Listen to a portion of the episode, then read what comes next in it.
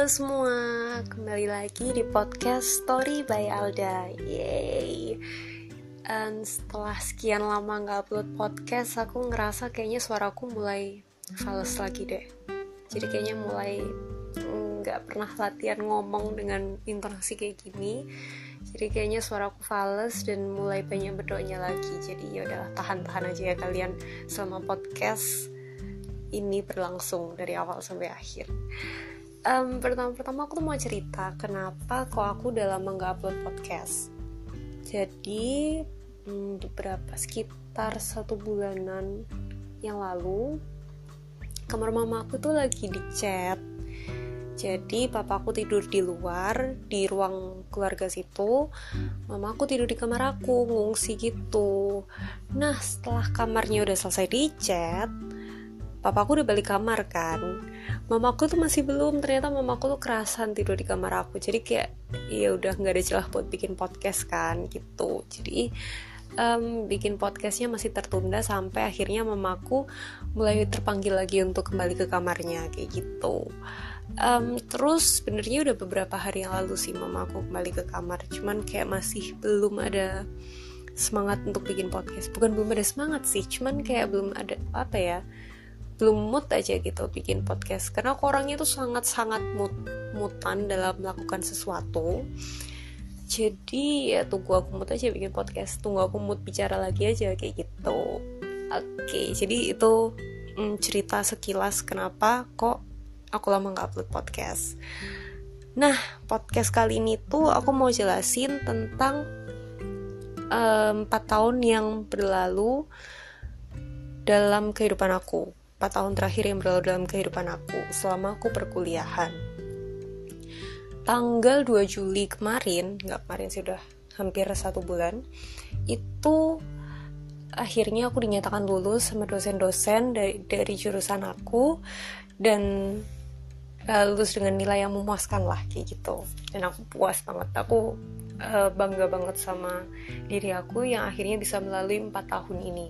Karena kalau diinget-inget empat tahun itu mungkin memang lama sih ya. Cuman aku melaluinya itu dengan berbagai hmm, berbagai masalah berbagai kebahagiaan kesedihan emosi air mata mungkin dan masih banyak lagi. Pokoknya perjuangan 4 tahun ini adalah 4 tahun yang paling aku berjuangin selama hidup aku.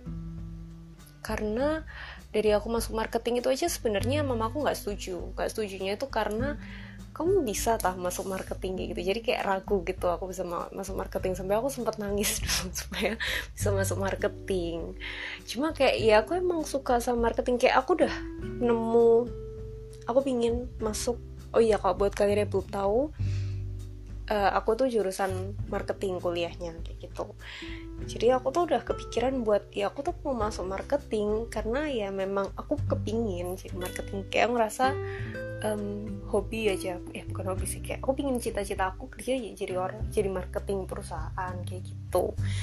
Dan aku juga hobi ngomong sih orangnya. Terus kenapa uh, sampai mama aku tuh masih tanya nggak mau masuk ilmu komunikasi aja itu kan juga bicara. Terus aku bilang nggak sih nggak mau karena nggak ada hitung hitungannya gitu. Jadi aku orangnya suka bicara cuman aku masih pingin mikir masih pingin ngitung gitu.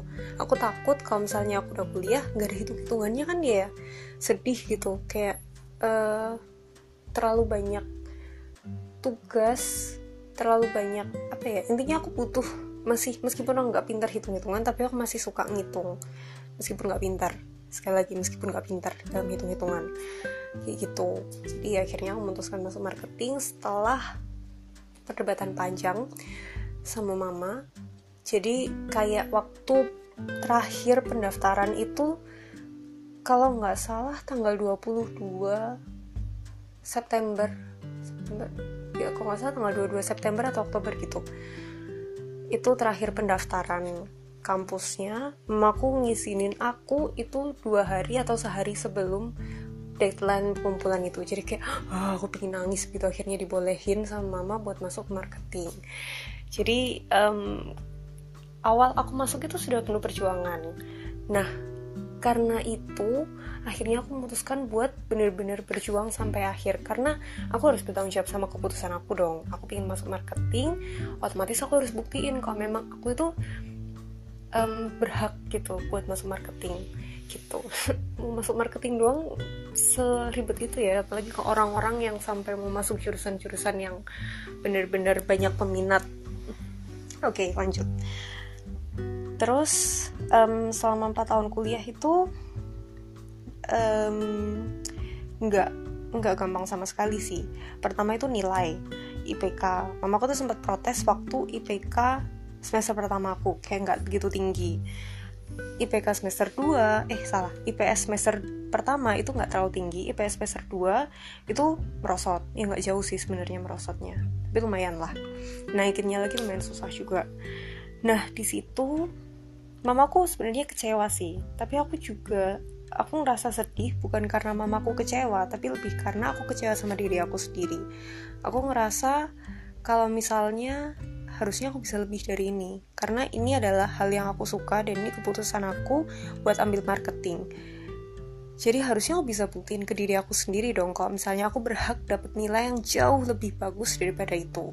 Kayak gitu. Nah akhirnya setelah hmm, setelah perenungan akhir semester 2 akhirnya aku mulai lebih rajin lagi. Meskipun nggak rajin-rajin banget tapi at least masih cukup rajin lah.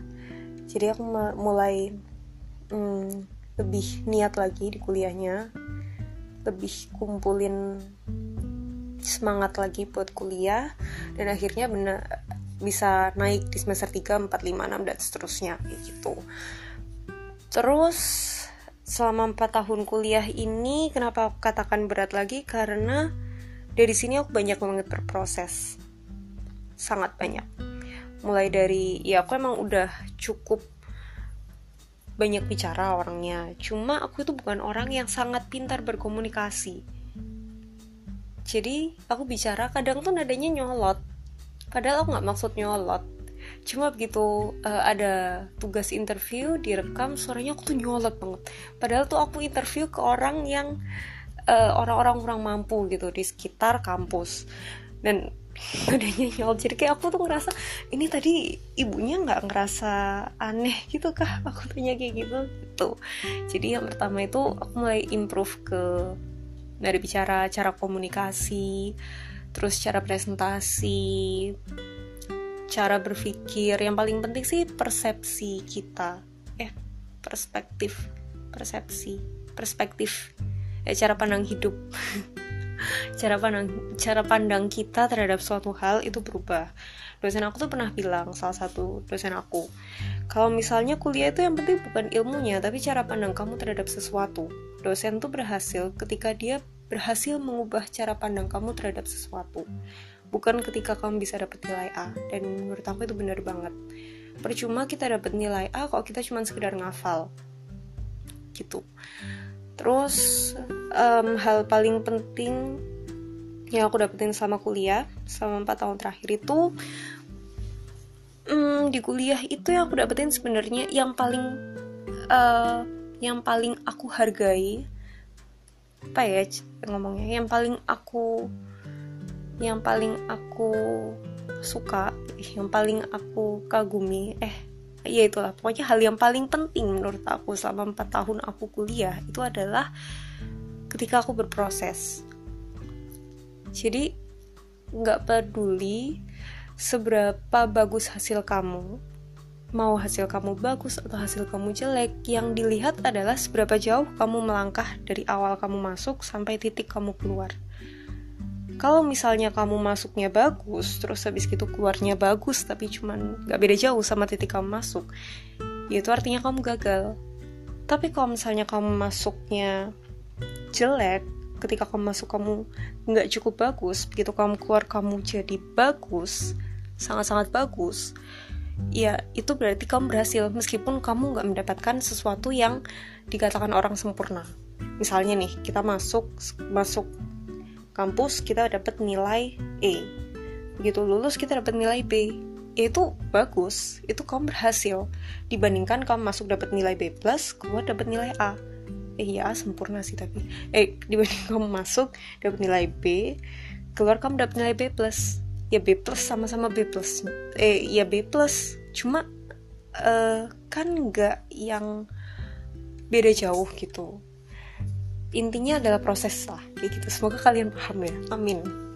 Jadi yang paling penting dalam kuliah yang uh, pelajaran paling berharga yang udah dapetin sama kuliah adalah proses nggak peduli mau sebagus apa kamu sekarang yang harus kamu lihat adalah seberapa jauh kamu sudah melangkah.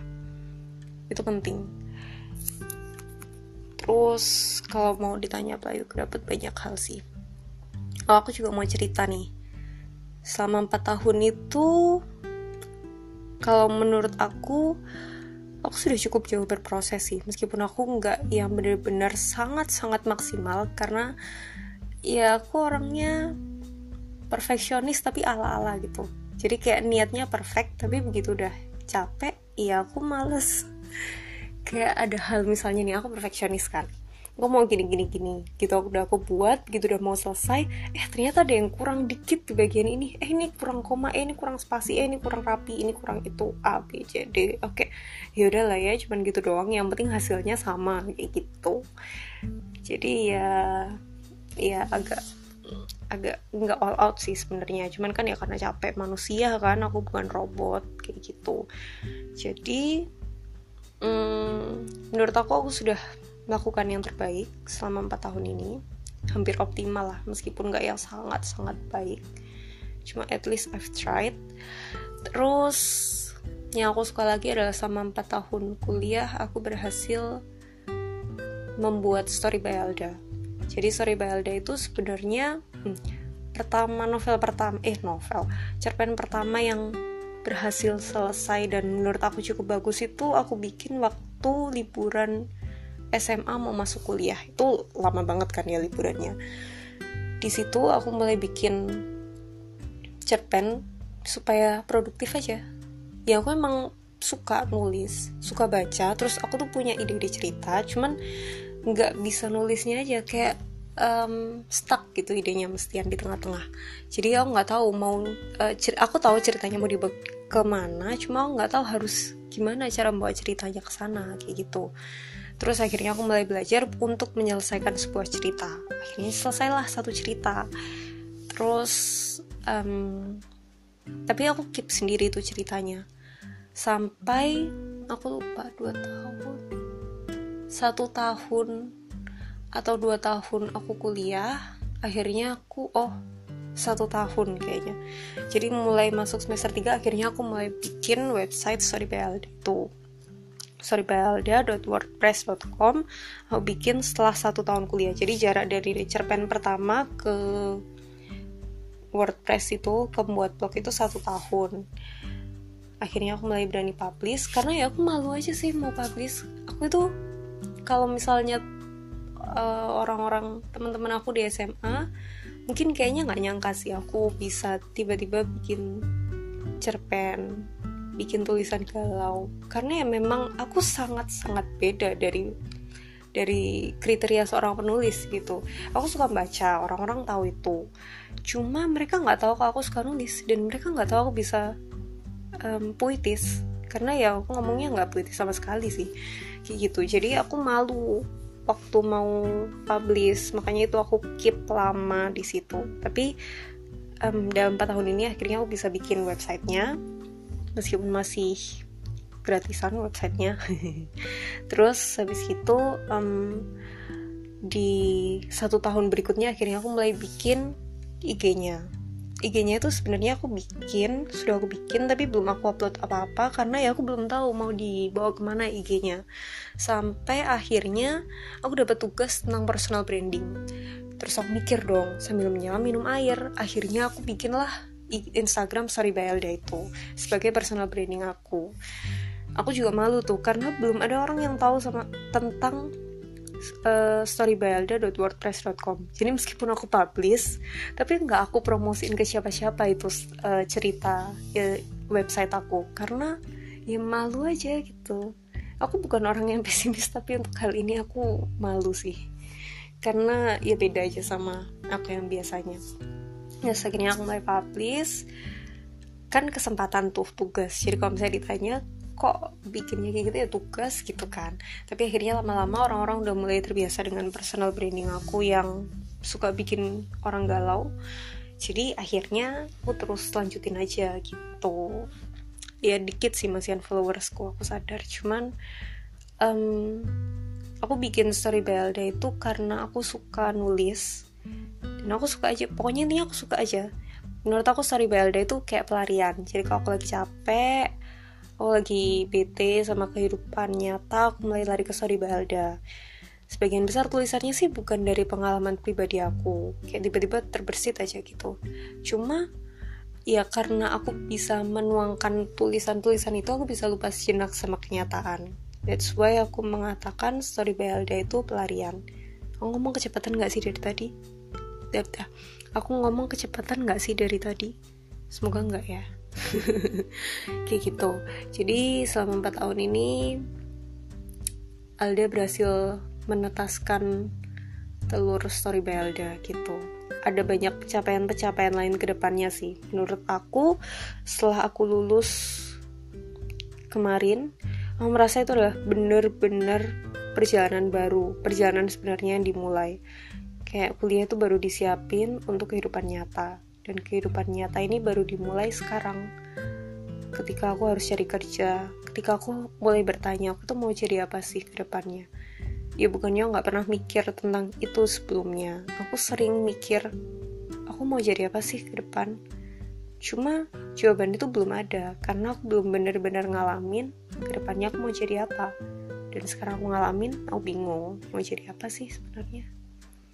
Karena aku suka marketing. Tapi aku nggak tahu aku mau kerja di perusahaan kayak apa. Aku mau jadi aku mau punya kerjaan kayak gimana? Kayak gitu. Banyaklah renungan yang harus aku renungin Masian tapi empat tahun ini benar-benar memberikan aku banyak pelajaran baru tentang marketing tentang diri sendiri tentang persahabatan tentang banyak lah. Banyak yang aku pelajari selama 4 tahun ini. Tentang berproses itu yang paling utama. Oke okay, hmm, podcastnya mulai panjang teman-teman. Terima kasih sudah mau mendengarkan cerita Alda malam-malam. Eh iya aku bikinnya malam-malam sini tapi kan kalian dengerinnya nggak nggak mesti malam ya Yaudah, terima kasih sudah mau meluangkan waktu kalian untuk mendengarkan podcast by Alda. Sampai serak dong suara aku. Haus. Oke, okay, um, semoga kalian suka dan semoga suaraku nggak begitu fals ya di sini karena sudah lama nggak bicara. Oh, aku mau cerita bentar. Jadi sebenarnya aku kalau ngomong itu fals. Um, aku inget dulu aku cari cari dana buat panitia itu aku jualan es puter terus aku teriak-teriak itu teriakannya fales cuma ya uh, aku sadar sih aku fales cuma nggak nyangka begitu aku rekam suara aku buat sorry Belda aku nggak nyangka suara aku bakalan sefales itu. Jadi um, susah payah aku mencari uh, melatih nada untuk menemukan nada yang nggak fales termasuk waktu berbicara juga menahan supaya nggak medok-medok banget. Ya bukannya aku nggak suka sih dengan suara medok cuman ya aku merasa risih. Aku nggak mau aja medok gitu intinya gitu. Jadi aku nggak mau suara aku medok aja kalau misalnya buat sorry Belda. Kok buat ngomong-ngomong it's okay it's fine. Mau medok gimana gimana gitu. Ya sampai sekarang pun aku masih agak medok suaranya. Cuma udah lebih mending daripada pertama kali aku ngerekam suara story Belda terus udah nggak begitu fals juga meskipun kadang masih agak datar ya nadanya. Cuma at least I've tried lah ya. 4 tahun tuh aku berproses. Dari awal titik awal aku mulai story Belda sampai sekarang suaraku udah jauh berubah teman-teman it's achievement. It's an achievement yang harus dirayakan. Oke okay, aku mau merayakan achievement tuh sekarang. See you in next podcast. Bye bye semoga kalian senang ya dengar podcast aku. Muah